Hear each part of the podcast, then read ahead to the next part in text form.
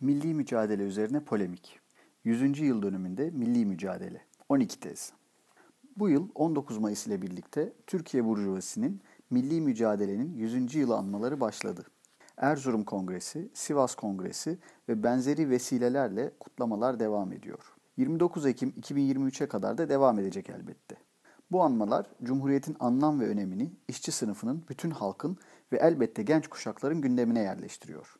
4 yıl sürecek bir dönem boyunca bu meseleler tartışılacak. Sosyalist solun bu konularda kafası inanılmayacak derecede karışık. Milli mücadele, emperyalizm, soykırım, cumhuriyet, devrim, burjuva devrimi bu kavramların çoğu herhangi bir somut içerik taşımadan kullanılıyor. Bu kafa karışıklığının temelinde solun Marksizmi neredeyse bütünüyle terk etmiş olması yatıyor. Kimi aydınlanma, laiklik, modernleşme gibi burjuva kavramlarına mutlak değerler atfedip tam bir Kemalizm güzellemesini solculuk zannediyor. Kimi ise ulusal baskıya karşı durmayı tarihin tek önemli kategorisi haline getiriyor ve ne emperyalizme karşı mücadeleyi tanıyor ne Cumhuriyet'in saltanat rejimi karşısında göreli tarihi önemini. Ne inançlar arası kardeşliği geliştirdiği, yani bir inancın diğerini ezmesine karşı bir barikat oluşturduğu ölçüde, ölçüde diyoruz, Cumhuriyeti inşa eden kadrolar mükemmel bir laik sistem kurdu demiyoruz, değerli olan laikliği. Solun bir bölümü milli mücadelenin yıl dönümlerini değerlendirmenin karşısına onlara sırtını çevirip Türkiye tarihinin ister o döneminden olsun ister başka bir döneminden soykırım, pogrom, ulusal baskı türü olayları anlatmayı çıkarma yolunda bir karara varmış. Böylece milliyetçiliğe karşı çıkmış oluyor. Örneğin Atatürk'ün 19 Mayıs'ta Samsun'a çıkmasının 100. yıl dönümü mü geldi? Modern Türkiye tarihi tartışmalarında çok merkezi rol oynayan, en azından sembolik önemi üzerine tartışılmaya değecek olan bu olay karşısında bu solun söyleyeceği hiçbir şey yok. Açıklamaya bile zahmet duymadan o dönemde derhal Pontus soykırımını dolaşıma sokuyorlar. Bu meseleye aşağıda döneceğiz. Erzurum Kongresi'nin 100. yıl dönümü mü geldi? Kongre 23 Temmuz 1919'da yapıldığı, 23 Temmuz aynı zamanda ikinci meşrutiyetin yıl dönümü olduğu için ittihatçı zihniyetine saldırmaya başlıyorlar. 4 Eylül Sivas Kongresi'nin toplanmasının 100. yıl dönümü mü? Hemen 6-7 Eylül üzerine yoğun bir tartışma başlatılıyor. 9 Eylül İzmir'in Yunan işgalinden kurtarılışının bu sefer 100. değil de 97. yıl dönümü mü? Hemen İzmir yangınına ilişkin bir tartışma açılıyor. Dikkat edilsin, Türkiye tarihi için önemi tartışılmaz olan bu olaylar bizim için 19 Mayıs'ın sadece sembolik ve ideolojik anlamı vardır ama ötekiler gerçekten çok önemli olaylardır. Üzerine hiçbir şey söylenmiyor.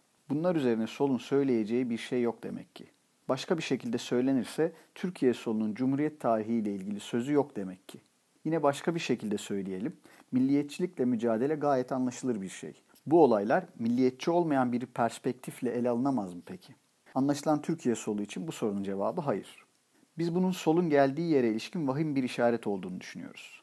Bazı sol akımlar Kemalizmin tezlerini sadece dillerine dikkat ederek yumuşatılmış bir şekilde tekrarlarken bu sözünü ettiğimiz zihniyette onlar bu sözcüğü çok sever, biz de onlar için kullanalım. Solun bu konuda hiçbir şey söyleyemeyeceğini ileri sürmüş oluyor. Biri Kemalizmin soluk kopyası, ötekinin zaten söylemek istediği bir şey yok.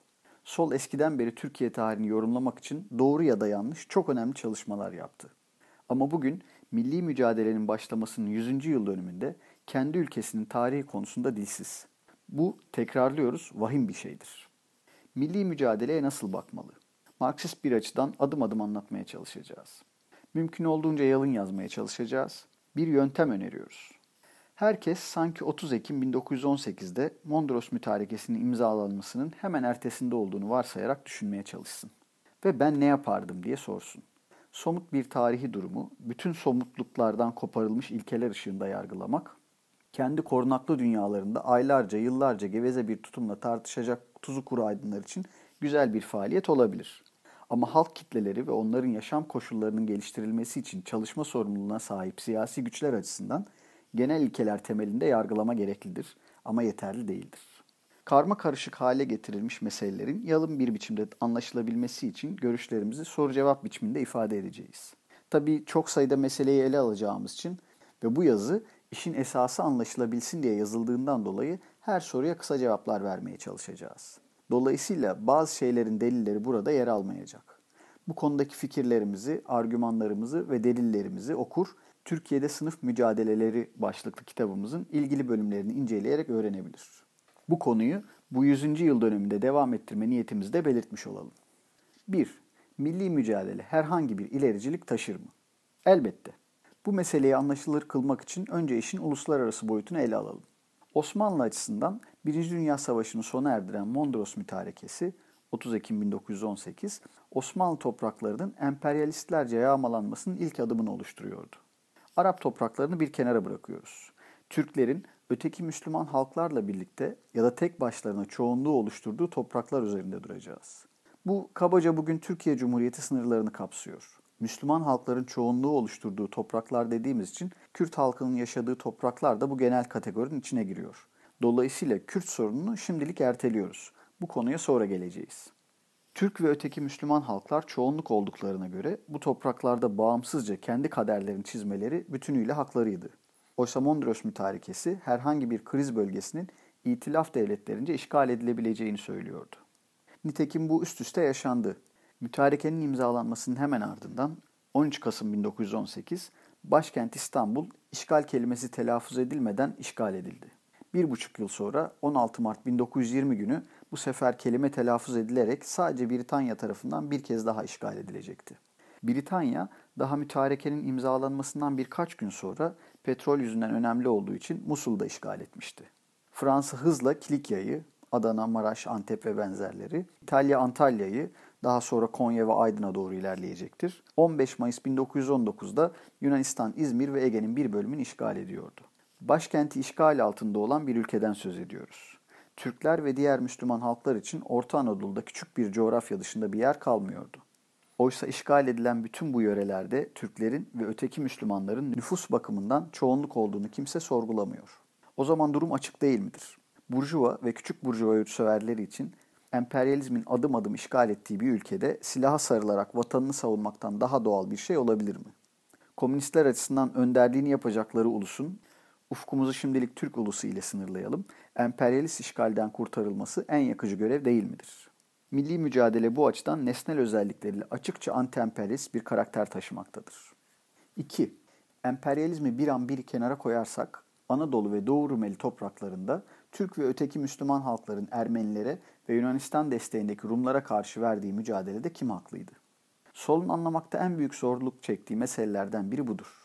Çünkü birçok solcu Türkleri ve Ermeniler söz konusu olduğunda Kürtleri savaş sırasında uygulanan ve soykırım boyutlarına ulaşan mezalim dolayısıyla haklı olarak mahkum etmiş olduğu için Cihan Harbi bittiğinde de hatta ebediyen somut durumun somut tahlilini yapmaksızın Türklerin haksız olduğunu ileri sürmeyi ilericilik saymaktadır. Oysa Cihan Harbi'nin sonuçları durumu köklü olarak değiştirmiştir. Hem Rumlar hem de Ermeniler Anadolu toprakları üzerinde emperyalizmin uzantısı durumuna düşmüşlerdir. Anadolu Rumlarının örgütlü kesimleri hem Anadolu'nun batısında hem Pontus'ta Yunanistan'ın 5. kolu rolünü oynamaya başlamışlardır. Ermenilere gelince onların 1915-16 soykırımı dolayısıyla kazandığı tarihi haklılık Cihan Harbi'nin sonlarında ve ertesinde iki nedenle ortadan kalkmıştır. Birincisi onlar da Anadolu topraklarında emperyalizmin aracı haline gelmiştir. Klikya'da bu durum çıplaktır. Ermeni halkının bazı önemli örgütleri maalesef bu bölgede Fransız emperyalizmine Türkiye topraklarını işgal için mazeret sağlamış ve Türklere karşı savaşında fiilen yani onun yanında savaşarak emperyalizmin yardakçısı durumuna düşmüştür. İkincisi Ermenileri temsil eden en güçlü örgüt haline gelmiş olan Taşnak Sutyun 1918 Bakü Komünü'nün yenilgisi ertesinde Bolşevizm düşmanı ve emperyalizmin dostu bir güç haline gelerek kendini tarih bakımından bölgenin ve dünyanın öteki unsurlarının ezilmesi karşılığında Ermeni halkının bir şeyler elde etmesine adamış bir gerici güç haline gelmiştir. Lenin, Trotsky ve arkadaşlarının neden Ermeni halkının yaşadığı onca badireden sonra Türklere karşı onları savunmadığını, Türkiye'nin solcuları bu yüzden anlayamıyor ve eleştiriyorlar. Yani sadece Türkiye'li Marksistlere değil, aşağıda göreceğimiz gibi bütün dünyanın Marksistlerine düşman oluyorlar. Demek ki her yerde Kemalizmin etkisini aramakla hallolmuyor işler. Lenin de mi Kemalistti? Rumlara geri gelmek gerekiyor. Onların örgütlü kesimleri Yunan işgal güçlerine yardım ettikleri halde Yunanistan ise emperyalist bir ülke olmadığı halde biz neden onlara emperyalizmin uzantısı haline geldiler diyoruz. Çünkü Yunanistan'ın İzmir ve Ege'yi işgali Türkiye'yi minicik bir kalıntı devlet haline getirmeyi hedefleyen İngiliz Başkanı Lloyd George'un doğrudan emriyle gerçekleşmiştir. Kim isterse kanıtlarız. Talep etmeniz yeterlidir. Yunan-Türk Savaşı tartışmasız biçimde emperyalizmin vekalet savaşıdır. Solun sadece liberalleşen ve kimlik politikasına yazılan kesimleri değil, komünistlik iddiasını sürdüren bazı kesimleri de son dönemde koroya katıldı. İddia şu, milli mücadele emperyalizme karşı tek kurşun atmamıştır. Nasıl oluyor da anti-emperyalist oluyor? Yukarıda anlattık. Yunan işgal gücü Anadolu'da emperyalizmin maşası sıfatıyla bulunuyordu. Emperyalizmin maşasına karşı verilen savaş, emperyalizme karşı da verilmiş demektir. 1980'li yıllarda Irak-İran savaşında emperyalizm Irak'ı İran devrimine karşı destekliyordu. İran Irak'la savaşırken aynı zamanda emperyalizme karşı mücadele etmiş oluyordu. Yarın Suud-Mısır ittifakı İran'a karşı savaşa girse, ABD ve İsrail Müslüman halkları yabancılaştırmamak için kenarda dursa, siz iki gerici güç savaşıyor diye tarafsız mı kalacaksınız? Yapmaz da değilsiniz hani. Ama komünistler açısından yapılması gereken o değildir. Ama mesele bundan ibaret değildir. Büyük Millet Meclisi hükümetinin ordusu İngilizlere kurşun dağıtmıştır. Atmasa da sorun değildir. İstanbul'u işgalden kurtaran kim olmuştur? Kilikya'yı işgalden kurtaran kim olmuştur? Bu sorulara cevap aramak bile yeter. Kurşun atmadan kurtardıysa ne ala. Ama çok sınırlı vesilelerle de olsa atmıştır. Atmamıştır diyen talep ederse onun da kanıtını göstermeye hazırız. 3. Milli mücadele sırasında tarihi Pontus topraklarında yani Doğu Karadeniz'de bir soykırım yaşanmadı mı? Biz Devrimci İşçi Partisi olarak 19 Mayıs'ın 100. yıl kutlamalarını bu tarihin milli mücadele açısından önemli bir tarih olmadığını, milli mücadelenin bundan çok önce 1918 sonundan itibaren Anadolu'da ve Doğu Rumeli'de başlamış olduğunu, 19 Mayıs vurgusunun Mustafa Kemal'i fetişleştirmek olduğunu yazarak karşıladık. Gerçek Gazetesi'nin 19 Mayıs değil 23 Nisan, 23 Temmuz, 29 Ekim konulu yazısı. Solun yaygın kesimleri ise 19 Mayıs ve izleyen günlerde Pontus soykırımı iddiası ile karşı hata geçtiler. Sitelerde ve sosyal medyada bu konuda çeşitli yazılar yayınlandı. Söylenmek istenen açıktır. Mustafa Kemal Samsun'a çıktı diye sevinenler, onun yönetiminde işlenen soykırımı görmezden geliyorlar. Bu Mustafa Kemal meselesinden bağımsız olarak yanlış bir yaklaşımdır. Türkiye işçi sınıfı ve emekçilerine 19 Mayıs'ın gerçek anlamı böyle anlatılmaz. Bir kere Pontus soykırımı kanıtlanmış bir olgu değildir. Bugünkü verilere göre büyük ölçüde yalandır. Olan şudur. Marmara ve Ege Rumlarının örgütlü kesimleri arasında görülen eğilimlere benzer biçimde Pontus yöresi Rumları da Elen milliyetçiliğinin cazibesine kapılarak Yunanistan'ın o dönemde zaten gündeminde olan Pontus'u yeniden canlandırma hayalini beslemeye başlamışlardır. Rum çeteleriyle Türk çeteleri arasında çok ağır sonuçları olan çatışmalar yaşanmıştır. Pontus soykırımı iddiası başka her şey bir yana çok önemli bir konu olan Ermeni soykırımı gerçeğini savunanların iddialarını zayıflatacak bir nitelik taşımaktadır. Somut durumun somut tahlilini yapmayı unutmuş Türkiye solu bu olaylar ile Ermeni soykırımı arasındaki temel farklılığı unutuyor. İlkinde devlet iktidarı bütünüyle Türklerin elindeydi. Enver ve Talat bütün devlet teşkilatını en başta teşkilatı mahsus sayı Ermenileri Anadolu'dan silmek için kullanmıştır.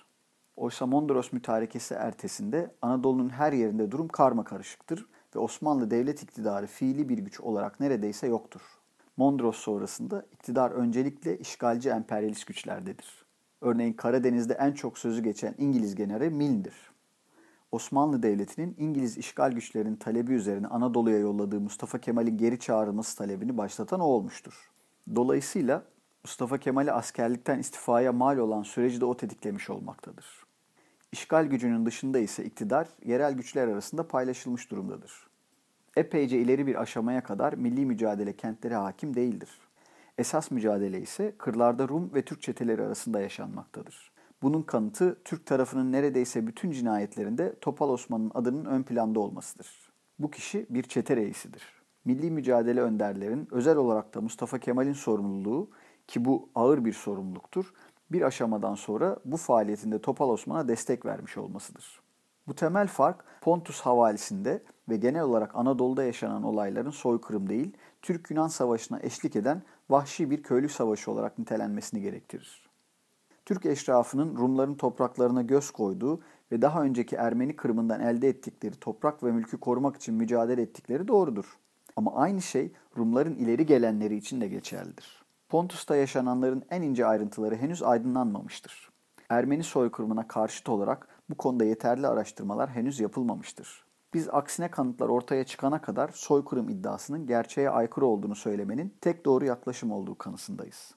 Ama karşı taraf henüz yeterli delil yokken Pontus soykırım iddiasını milli mücadelenin karşısına koyuyor. Onlara soralım.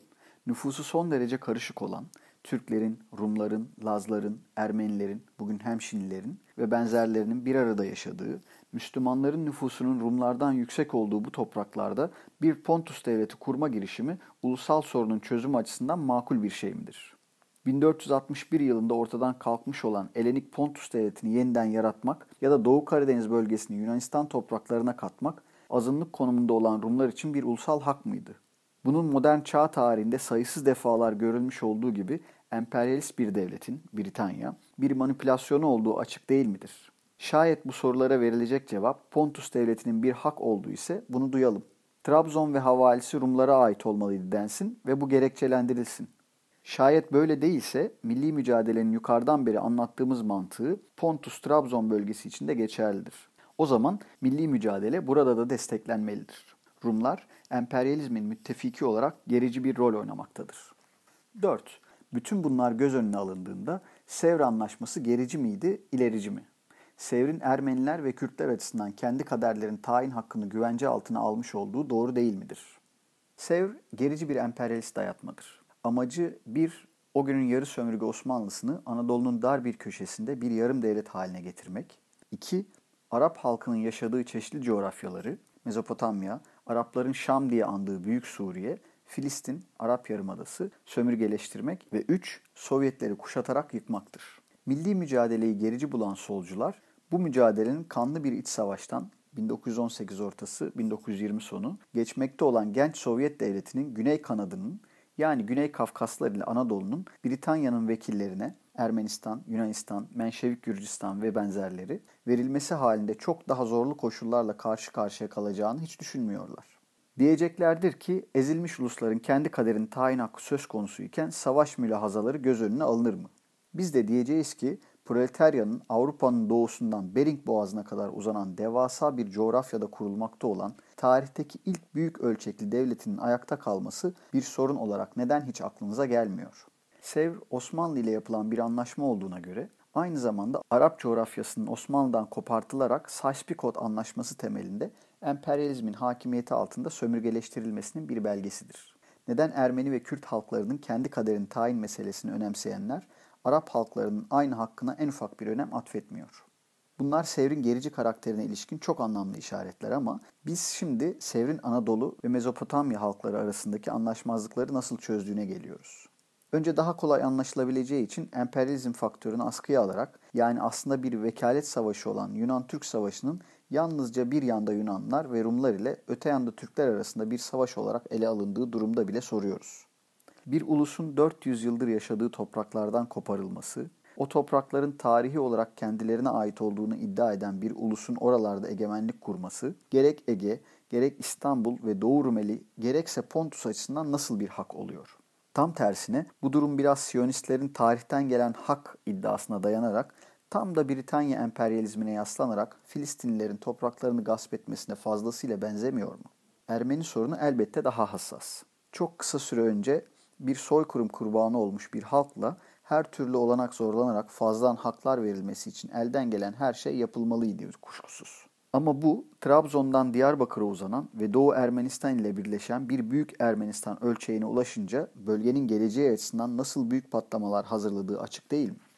Doğu Anadolu büyük bölümü ile Ermenilerin tarihi yurdunun bir parçası olmuştur. Batı Ermenistan'dır doğru.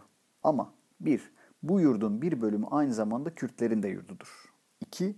Türklerin Anadolu'ya yerleşmeye başladığı andan Sevr'e kadar geçen 850 yıl içinde bölgenin nüfus yapısı değişmiştir. Çoğunluk Türklere ve bazı yerlerde Kürtlere, bazı yerlerde Türklere ve Kürtlere geçmiştir. 3. Trabzon gibi kıyı bölgelerinde Rum ve Laz nüfus da önemlidir. Trabzon'dan Diyarbakır'a uzanan bütün bu yöre tam anlamıyla bir mozaiktir. Halklar iç içe yaşamaktadır. Bu bölgenin ve neredeyse Anadolu'nun tamamının sorunları Türkiye Komünist Fırkası'nın TKF 1920 programında öngörüldüğü gibi ancak bir federasyon yöntemiyle çözülebilirdi. Buna karşılık Büyük Ermenistan'ın çözüm olduğunu söylemek zordur. Kaldı ki bu hem Rumların Pontus devleti düşüyle hem de Kürtlerin kendi devletlerine kavuşma umuduyla çelişiyordu. Kürtlerin çok büyük bölümünün milli mücadelenin yanında yer alması bir kandırılmanın ya da dini dayanışmanın ürünüdür sananlar bütünüyle yanılıyor. Onlar bugün Kürt hareketi içinden birçoklarının yücelttiği sevden kaçmak için milli mücadelenin yanında yer almıştır. İşaret edelim ki emperyalizmin programı Sevr ile TKF'nin programı birbirinin karşıtıdır ama neredeyse aynı gün gün yüzü görmüştür. Sevr 10 Ağustos 1920 tarihini taşır, TKF programı ise 10 Eylül 1920. 5. Anadolu ve Mezopotamya'nın diğer halklarına, Ermeniler, Rumlar, Kürtler, verilen hakları bir kenara koyarsak, Sevr, Türkler ve Anadolu'nun Kürtler dışındaki öteki Müslüman halkları, Çerkezler, Boşnaklar, Arnavutlar ve diğerleri için ne öngörüyordu? Yukarıda özet olarak söyledik. Toprak bakımından Anadolu'nun ekonomik bakımından en geri, dış dünya ile ilişki kurması en güç, dolayısıyla ekonomik olarak gelişmesi son derece zor bir bölgesinde minik bir devlet kurma olanağından başka bir şey vermiyordu. Başkent İstanbul Türklerde elbette o dönemde Osmanlı Devleti'nde kalacaktı. Ama boğazlar üzerinde kurulması öngörülen uluslararası kontrol bu şehir üzerindeki egemenlik hakkını nominal yani içerikten yoksun sadece sözde mevcut bir egemenlik haline getiriyordu. Sevr tarihi bir esaret zinciri olan kapitülasyonları sürdürüyor. Böylece Osmanlı'nın geri kalmışlığının koşullarını pekiştiriyordu. Ama en önemlisi askeri alandaydı. Bu alandaki koşulların genellikle üzerinde durulmaması inanılır gibi değildir. Türklerin devletine hava kuvvetleri kurmak yasaklanıyordu. Deniz kuvvetleri son derece kısıtlı ve emperyalist kontrol altında olacaktı. Zorunlu askerlik kaldırılıyordu. Ordunun insan gücü 50.700 sayısıyla sınırlanıyordu. Bu emperyalizmin ve Siyonizmin Filistin çözümünün, Filistin yönetimi tarihi örneğidir. Böyle bir askeri gücün sadece iç güvenlikle yani sınıf mücadelelerinin bastırılmasıyla meşgul olabileceği açıktır. Tepeden tırnağa silahlanmış bir ulus devletler dünyasında emperyalizmin militarizmi göz önüne alındığında Anadolu Türklerini savunmasız bırakan böyle bir anlaşmaya bazı Türkiye solcularının ilerici olarak yaklaşmaları gerçekten akıl alır gibi değildir. Ermeni soykırımı ve muhayyel Pontus soykırımı bazı solcuların zihninde böyle bir cezayı anlamlı kılıyor olabilir. Tarih boyunca işlenmiş soykırımlar Türklerin işledikleriyle sınırlı değildir. Emperyalistlerin başkalarının topraklarında Güneybatı Afrika, Kongo, Cezayir, Ruanda saymakla bitmez işlediği soykırımları şimdiki amaçlarımız açısından bir kenara koyalım. Kendi yaşadığı topraklarda ağır soykırım suçu işlemiş başka ulusları, Amerika ve Kanada, Latin Amerika'nın birçok ülkesi, muhtemelen 2. Dünya Savaşı esnasında Japonya en yakın belirgin sistematik ve soğukkanlı uygulama açısından Nazi Almanyası, böyle yarı devlet statüsüne düşüren uygulamalar duyan var mı? Almanya ve Japonya'ya askeri kısıtlamalar getirildiği doğru olmakla birlikte geçici bir süre dışında böyle bir statü öngörülmemiştir. Böyle bir yaklaşım savunulamaz. Soykırım suçlusu olarak bütün bir halkı, ulusu ve benzerlerini işaret etmek ırkçılıktır çünkü. Sıradan halk için bu doğru değildir. Sayısız Türk ve Kürt Ermenilere destek olmaya çalışmış, bu uğurda riske almıştır. Devlet görevlileri için de doğru değildir hükümetin talimatını uygulamadığı için görevden dahi alınmış olan birçok vali, mutasarrıf ve benzerleri vardır. Politik önderlik için bile geçerli değildir. İttihat ve Terakki'nin tarihi önderi Ahmet Rıza soykırım sırasında hem de meclis kürsüsünden kendi partisinin bu uygulamasına karşı çıkmıştır. Yarım devlet uygulamasıyla Türk halkının savunmasız bırakılması bu suçsuz hatta zor koşullarda erdem timsali olmuş insanları da cezalandırmaktır. Bizim açık seçik ifade edeceğimiz yargımız şudur. Sevr gericiliktir. Sevr'in doğru alternatifi Türkiye Komünist Fırkası'nın programıdır. 6. Şimdiye kadar hep uluslararası boyutlardan söz ettik. Milli mücadele Türkiye'nin iç siyasi yapısı ve sosyoekonomik ilişkileri açısından ne anlam ifade eder? Milli mücadele bir burjuva devrimidir. Türkiye topraklarında modern çağda yaşanan ikinci büyük devrimdir. İlk devrim 23 Temmuz 1908'de zafere ulaşmış, 27 Nisan 1909'da Abdülhamit istibdadına padişahı tahttan indirerek kesin noktayı koymuştur. Ama saltanata son verememiş olduğu için tamamlanmış bir burjuva devrimi değildir.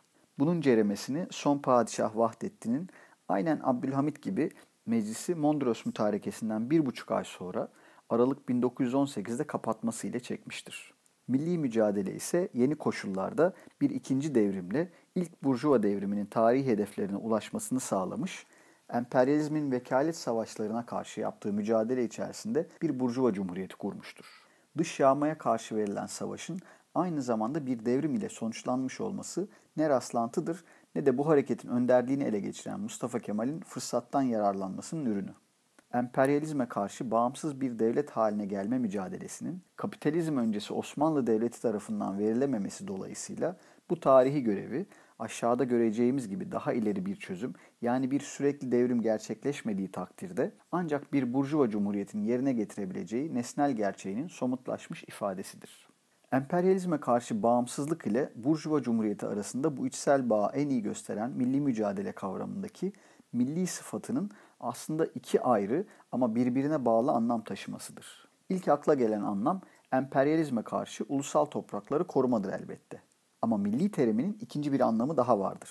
Türklerin ve öteki Müslüman halkların yakıcı sorunlarının padişah tarafından değil ancak halkın, milletin kendisi tarafından çözülebileceği anlamı. Bu da ta 1908-1909'dan gelen bir anlamdır.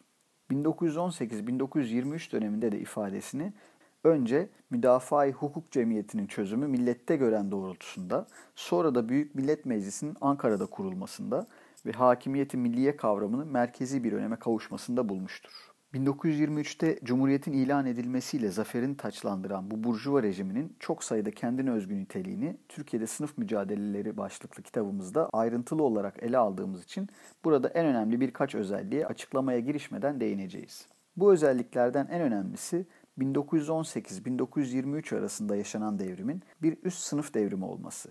Emekçi sınıfları, emekçi köylülüğü, zanaatkarları, yeni gelişmekte olan işçi sınıfını, kırın ve kentin yoksullarını devrim uğruna seferber etmemesidir. Bu bakımdan Burjuvazinin tarihteki büyük devrimlerinden İngiliz, Amerikan, Fransız ve benzerleri ayrılır. Bir halk devrimi değildir. Bu yönde bir gelişmenin kısa süren bir dinamiği 1920'de bir sürekli devrim dinamiği ile birlikte ortaya çıkmış ama 1921 başından itibaren bastırılmıştır.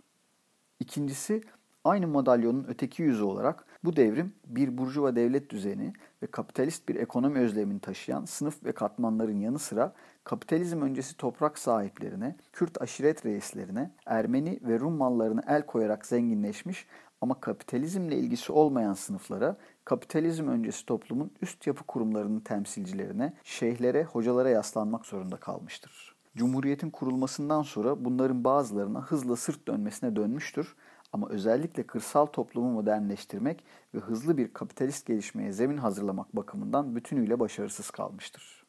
Üçüncüsü, bütün bunlardan dolayı bu devrim klasik burjuva devrimlerinden farklı olarak bir burjuva demokratik devrim olarak anılamaz. Nitekim kuruluş döneminde hızla bir tek parti diktatörlüğüne dönüşmüş, başta Kürt halkının temsilcileri ve komünistler olmak üzere geçmişte kendi saflarında yer almış kadrolar da dahil olmak üzere Kemalist diktatörlük dışında kalan bütün siyasi akımları sert bir şekilde bastırmıştır. 7. Mustafa Kemal'in başlattığı ve lideri olduğu bir harekete nasıl devrimci denebilir? Ayrıca milli mücadeleye anti-emperyalist diyorsunuz. Mustafa Kemal ve Kemalizm Mısır'da Nasır gibi, Kongo'da Lumumba gibi, Endonezya'da Sukarno gibi, Küba'da Jose Marti, Nikaragua'da Sandino gibi anti-emperyalist olarak görülebilir mi? Bu tür düşünüş birbirinden ayrılması gereken iki olguyu otomatik olarak özdeşleştirmek anlamını taşır. Milli mücadele bütün bir halkın Anadolu ve Doğu Rumeli, Müslüman halkının emperyalist işgal karşısındaki mücadelesinin siyasi ve askeri ifadesidir. Mustafa Kemal ise bu mücadelenin önderliğinde en önemli şahsiyet olmakla birlikte diyelim Ekim devriminde Lenin ya da Küba devriminde Castro gibi tartışılmaz bir önder değildir. Bir kere milli mücadele Mustafa Kemal'in bu işe soyunmasından 6 ay önce yerel müdafaa-i hukuk, muhafaza-i hukuk ve reddi ilhak cemiyetlerince başlatılmıştı. Mustafa Kemal kervana daha sonra katıldı. Dolayısıyla milli mücadelenin nesnel olarak anti-emperyalist bir karakter taşıyıp taşımadığı sorusuna Mustafa Kemal'den bağımsız olarak bakmak gerekir. Muhataplarımız ilk yerel örgütlenmelere, kongre iktidarlarına nasıl bakıyorlar? Şayet onların örgütlenmesi anti-emperyalist bir karakter taşıyorsa Mustafa Kemal bunların başına geçti diye bu karakter değişmez. Ayrıca bu davaya katıldıktan sonra da Mustafa Kemal tek başına hareketin lideri olmamıştır. Bu ancak bir dizi gelişme sonrasında 1922 yılında tamamlanmış bir süreçtir. Milli mücadelenin başından itibaren birçok güç önemli roller oynamıştır. 1. Mustafa Kemal ve çevresi 2. Enver Paşa ve eski ittihatçılar 3. Kuvayi Seyyare Komutanı Çerkez Ethem 4. Anadolu Burjuvası'nın daha gerici ve bağnaz bölgesel kanatları Trabzon, Erzurum ve benzerleri 5. Kürt aşiret reisleri ve dini önderleri 6 komünistler ve çeşitli solcular. Bunların arasında önderlik bakımından bazılarının belirli koşullar gerçekleşseydi Mustafa Kemal'in yerini alabileceği rahatlıkla söylenebilir. Öyleyse milli mücadeleyi Mustafa Kemal'e indirgemek için hiçbir neden yoktur. Dolayısıyla milli mücadelenin nesnel açıdan anti-emperyalist ihtiyaçlara cevap vermesiyle Mustafa Kemal'in anti-emperyalist olup olmaması arasında hiçbir ilişki yoktur. Somut olarak yukarıda sayılan önderlik adaylarından hangisinin anti-emperyalist denebilecek sahipleri olduğu sorulduğunda elbette komünistlerin kesin olarak tutumları buydu. Ama onlar önderlik konumuna hiçbir zaman yaklaşamamışlardır.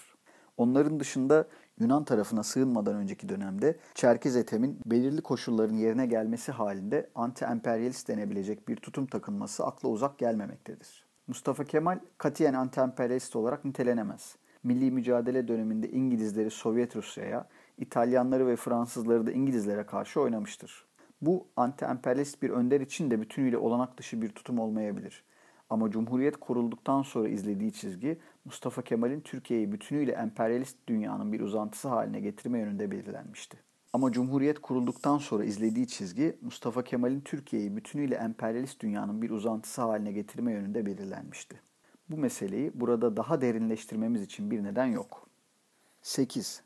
Kurulduktan çok kısa bir süre sonra Kürtlere sırtını dönen, onları ezen, hatta Kürt halkının varlığını bütünüyle inkar ederek onu asimilasyona tabi tutmaya çalışan bir cumhuriyet nasıl bir burjuva devrimi olarak anılabilir? Başta Kürt hareketinin aydınları olmak üzere Türkiye solunun belirli kesimlerin 10 yıllardır sordukları bu soru ne tarihin genel gidişatını ne de burjuva devrimlerini anlayamamanın bir ürünüdür. Her şeyden önce tarihin ne kadar çelişkilerle örülmüş olduğunu, birçok ileri atılımın kendi içinde gericilikler içerebileceğini genel planda unutmak anlamına gelir. İkincisi, daha somut olarak bu soruyu soranlar anlaşılan Burjuva devrimlerinin herkes için çok iyi sonuçları olan tarihi olaylar olduğunu varsayıyorlar ki soruyu sorabiliyorlar. Bir tarihi kategori olarak Burjuva devrimlerinin görevleri arasında ezilen uluslara ait ulusal hakların tanınması diye bir şey yoktur.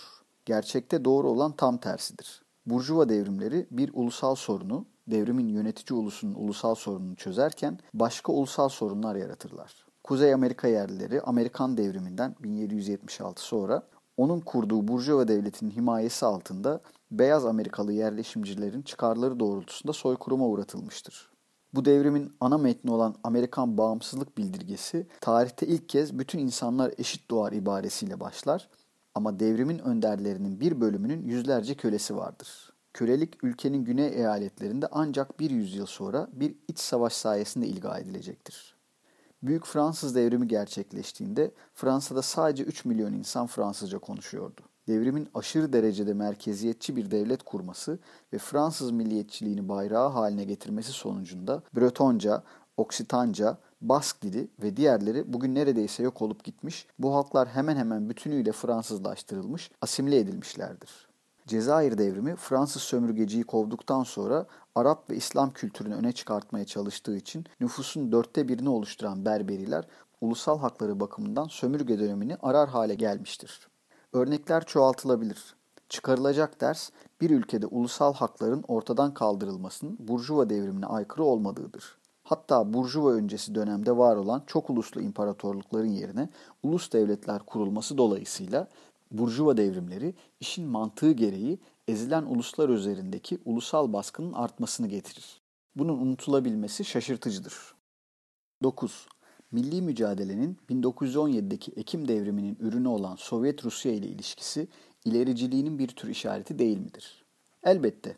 Sovyet Rusya'nın SSCB ancak 1922'de kurulacağı için bütün bir dönem boyunca milli mücadelenin muhatabı olan devlet oydu Türkiye'nin milli mücadelesine verdiği desteğin ne kadar önemli olduğunu teslim etmeyen pek az odak vardır.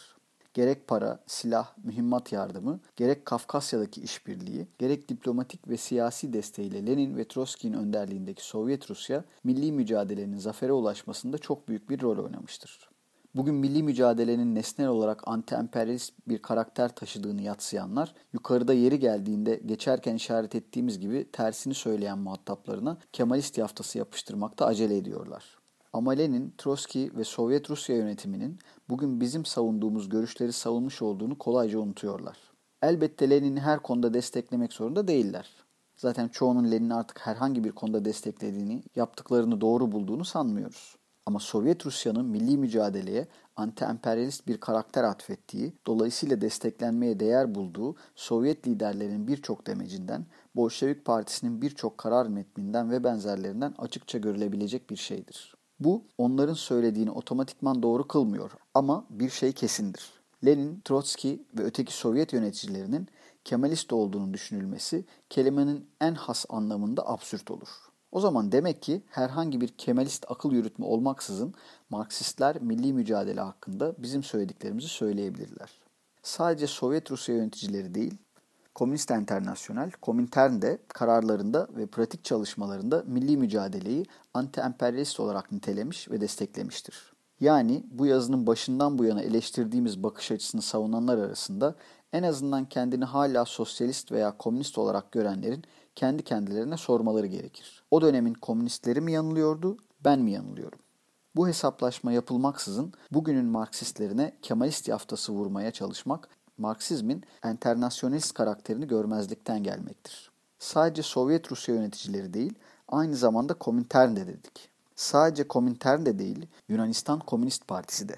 Bu parti kendi ulusu haksız bir savaşa girdiğinde komünistler için en doğru politika olan kendi ülkesinin yenilgisini savunma çizgisinin yani Leninist devrimci bozgunculuk politikasının en soylu, en kahramanca örneklerinden birini vermiş. Anadolu'ya gönderilen komünist askerler savaş faaliyetine sabotaj yoluyla engel olmaya çalışmış ve Yunan Divanı Harbi tarafından cezalandırılmışlardır. Şimdi muhataplarımıza soruyoruz. Sovyet Rusya önderleri yanıldı, Komintern yanıldı, Yunan komünistleri yanıldı. Öyle mi? Başka şekilde soralım. Anadolu'daki Yunan Savaşı haklı bir savaş mıydı? 10. Milli mücadelenin saltanatı yıkarak bir cumhuriyet kurmasının bir burjuva devrimi olarak nitelenmesi doğru mudur? Cumhuriyet bir devrim olarak Türkiye'de neyi değiştirmiştir? Osmanlı ile Türkiye Cumhuriyeti arasında bir süreklilik yok mudur? Osmanlı Devleti Avrupa'nın doğusunda yer alan üç çok uluslu prekapitalist imparatorluktan biriydi. Elbette Batı Avrupa'da ve giderek Orta Avrupa'da 19. yüzyıl boyunca kapitalizmin hızla gelişmesinin basıncı altında bu imparatorlukların her üçü de en başta Avusturya Macaristan, ardından Çarlık Rusyası ve en geriden de Osmanlı Devleti adım adım kapitalizmin biçimlerini ithal etmeye başlamışlardı. Dönem zaten Engels'in deyişiyle tepeden devrimler çağıydı. Kapitalistleşmede geç kalmış bütün devletler 19. yüzyılın ikinci yarısında Bismarck Almanyası'ndan Meiji Japonya'sına kadar eski prekapitalist devletin çabalarıyla erken kapitalistleşmiş ülkelerle rekabet baskısı altında bazen yaşanmamış, bazen de yaşanmış ama zafere ulaşamamış bir burjuva devriminin görevlerini yerine getirmeye çalışıyorlardı. Bu yüzden Osmanlı'nın da ordusundan banka sistemine, özel mülkiyet hukukundan meşrutiyet düzenine kadar birçok alanda kapitalizmin ve burjuva toplumunun gereklerini yerine getirmeye çalıştığı doğrudur. Ama bunları sistematik hale getiren Burjuva hukukunun evrensel ve soyut eşitliğini hukuk sisteminin temeli haline getiren, özel mülkiyeti kesin kes garanti altına alan, en sonunda da Büyük Depresyon'un yarattığı koşullarda Sovyetler Birliği'nin de etkisi ve desteğiyle planlama temelinde devlet işletmeleri kurarak bu topraklarda sanayi kapitalizmi çağını açan cumhuriyet olmuştur. Süreklilikten söz edenler gerçeklere gözlerini kapatıyorlar. Marksistler açısından bu ne tek başına sevinilecek ne de tek başına yerinilecek bir şeydir insanın insanı sömürmesinde yeni ve daha da vahşi bir dönemin açılışıdır. Ama aynı zamanda üretimi toplumsallaştırarak ve proletaryayı toplumun ana direği haline getirerek sosyalizmi ve sonunda sınıfsız toplumu yakınlaştıran da odur. Marksistler kapitalizmin kapitalizm öncesi toplumun yerini almasına dünya çapında nasıl bakıyorlarsa Türkiye'de de öyle bakarlar. Ama her halükarda bu gelişmeyi yatsımazlar. Bu anlamda daha uzun vadeli bakıldığında Türkiye 1918-1923 arasında bir politik devrim yaşadıktan sonra 1920'li ve 1930'lu yıllarda da bir sosyal devrim yaşamıştır. Bunları Türkiye'de sınıf mücadeleleri başlığını taşıyan kitabımızda ayrıntılı olarak anlatmış bulunuyoruz. 11. Marksistler Burjuva devrimini gerçekleştiren önderlik olarak Kemalizmi desteklemeli miydi? Hayır, her şeyden önce Marksistler açısından milli mücadeleye yaklaşım ile Kemalizme yaklaşımı birbirinden ayırmak gerekir. Marksistlerin milli mücadeleyi desteklemesi bu hareketin nesnel olarak anti-emperyalist karakteri dolayısıyla zaten gereklidir. Nitekim Türkiye'nin o dönemdeki komünistleri de sadece 1920'de Bakü'de kurulan Türkiye Komünist Fırkası değil, Anadolu ve İstanbul'daki komünistler de milli mücadeleyi desteklemiş ve Burjuvazinin ve Kemalist önderliğin baskılarına rağmen içinde yer almak için mücadele etmişlerdir. Bunun da ötesinde komünistlerin emperyalizmin projesini boşa çıkarmanın yanı sıra sosyal sorunun yani sınıfsal sorunun da çözümü için mücadele etmesi ve Burjuvazinin emperyalizmle anlaşması sonucu yarı yolda durması ihtimaline karşı milli mücadelenin başarısını güvence altına alması için olanaklı olsa mücadelenin önderliğini ele geçirmeye çalışması da gerekirdi. 1920 yılının ikinci yarısında komünistler daha katışık bir yapıya sahip başka sol akımlarla birlikte Ekim devriminin ve Sovyet Rusya'nın prestijinin de katkısıyla epeyce güçlenmişlerdir. Ama önderliği ele geçirmeleri mümkün olmamıştır. 1920 sonu ve 1921 başında Mustafa Kemal solu geriletmek üzere çok ciddi bir taarruz başlatmış ve büyük ölçüde başarıya ulaşmıştır. Bu taarruz içinde Mustafa Supi başkanlığında Bakü'den Anadolu'ya geçen Türkiye Komünist Fırkası heyetindekilerin 28-29 Ocak 1921'de Trabzon açıklarında Karadeniz'de öldürülmeleri en vahim gelişmedir. Ancak bu katliamın gerçek azmettiricisinin kim olduğu hala çözülememiş bir sır olarak duruyor. Genç kuşak Marksistlerin Türk, Rus, Azerbaycan ve başka ülke arşivlerini didik didik ederek gerçeği ortaya çıkarmaları büyük önem taşıyor. Mustafa Supi ve arkadaşlarını Mustafa Kemal öldürttüyse Kemalizm ile komünizm arasına kan girmiş demektir. Mesele bu kadar yalındır. Ama azmettirici burjuvazinin bir başka gücü veya emperyalizmin ajanları ise bile Kemalizmin önce 1921 başında sonra daha kesin biçimde 1922'den itibaren komünist hareketi bastırdığı açıktır. Bütün iki yüzlülüğüne rağmen anti-komünist olan Kemalizmin bir burjuva önderlik olarak desteklenmesi gerekmez. Burada uluslararası komünist hareket ile Türkiye komünistlerinin görevleri arasında bir farklılık vardır.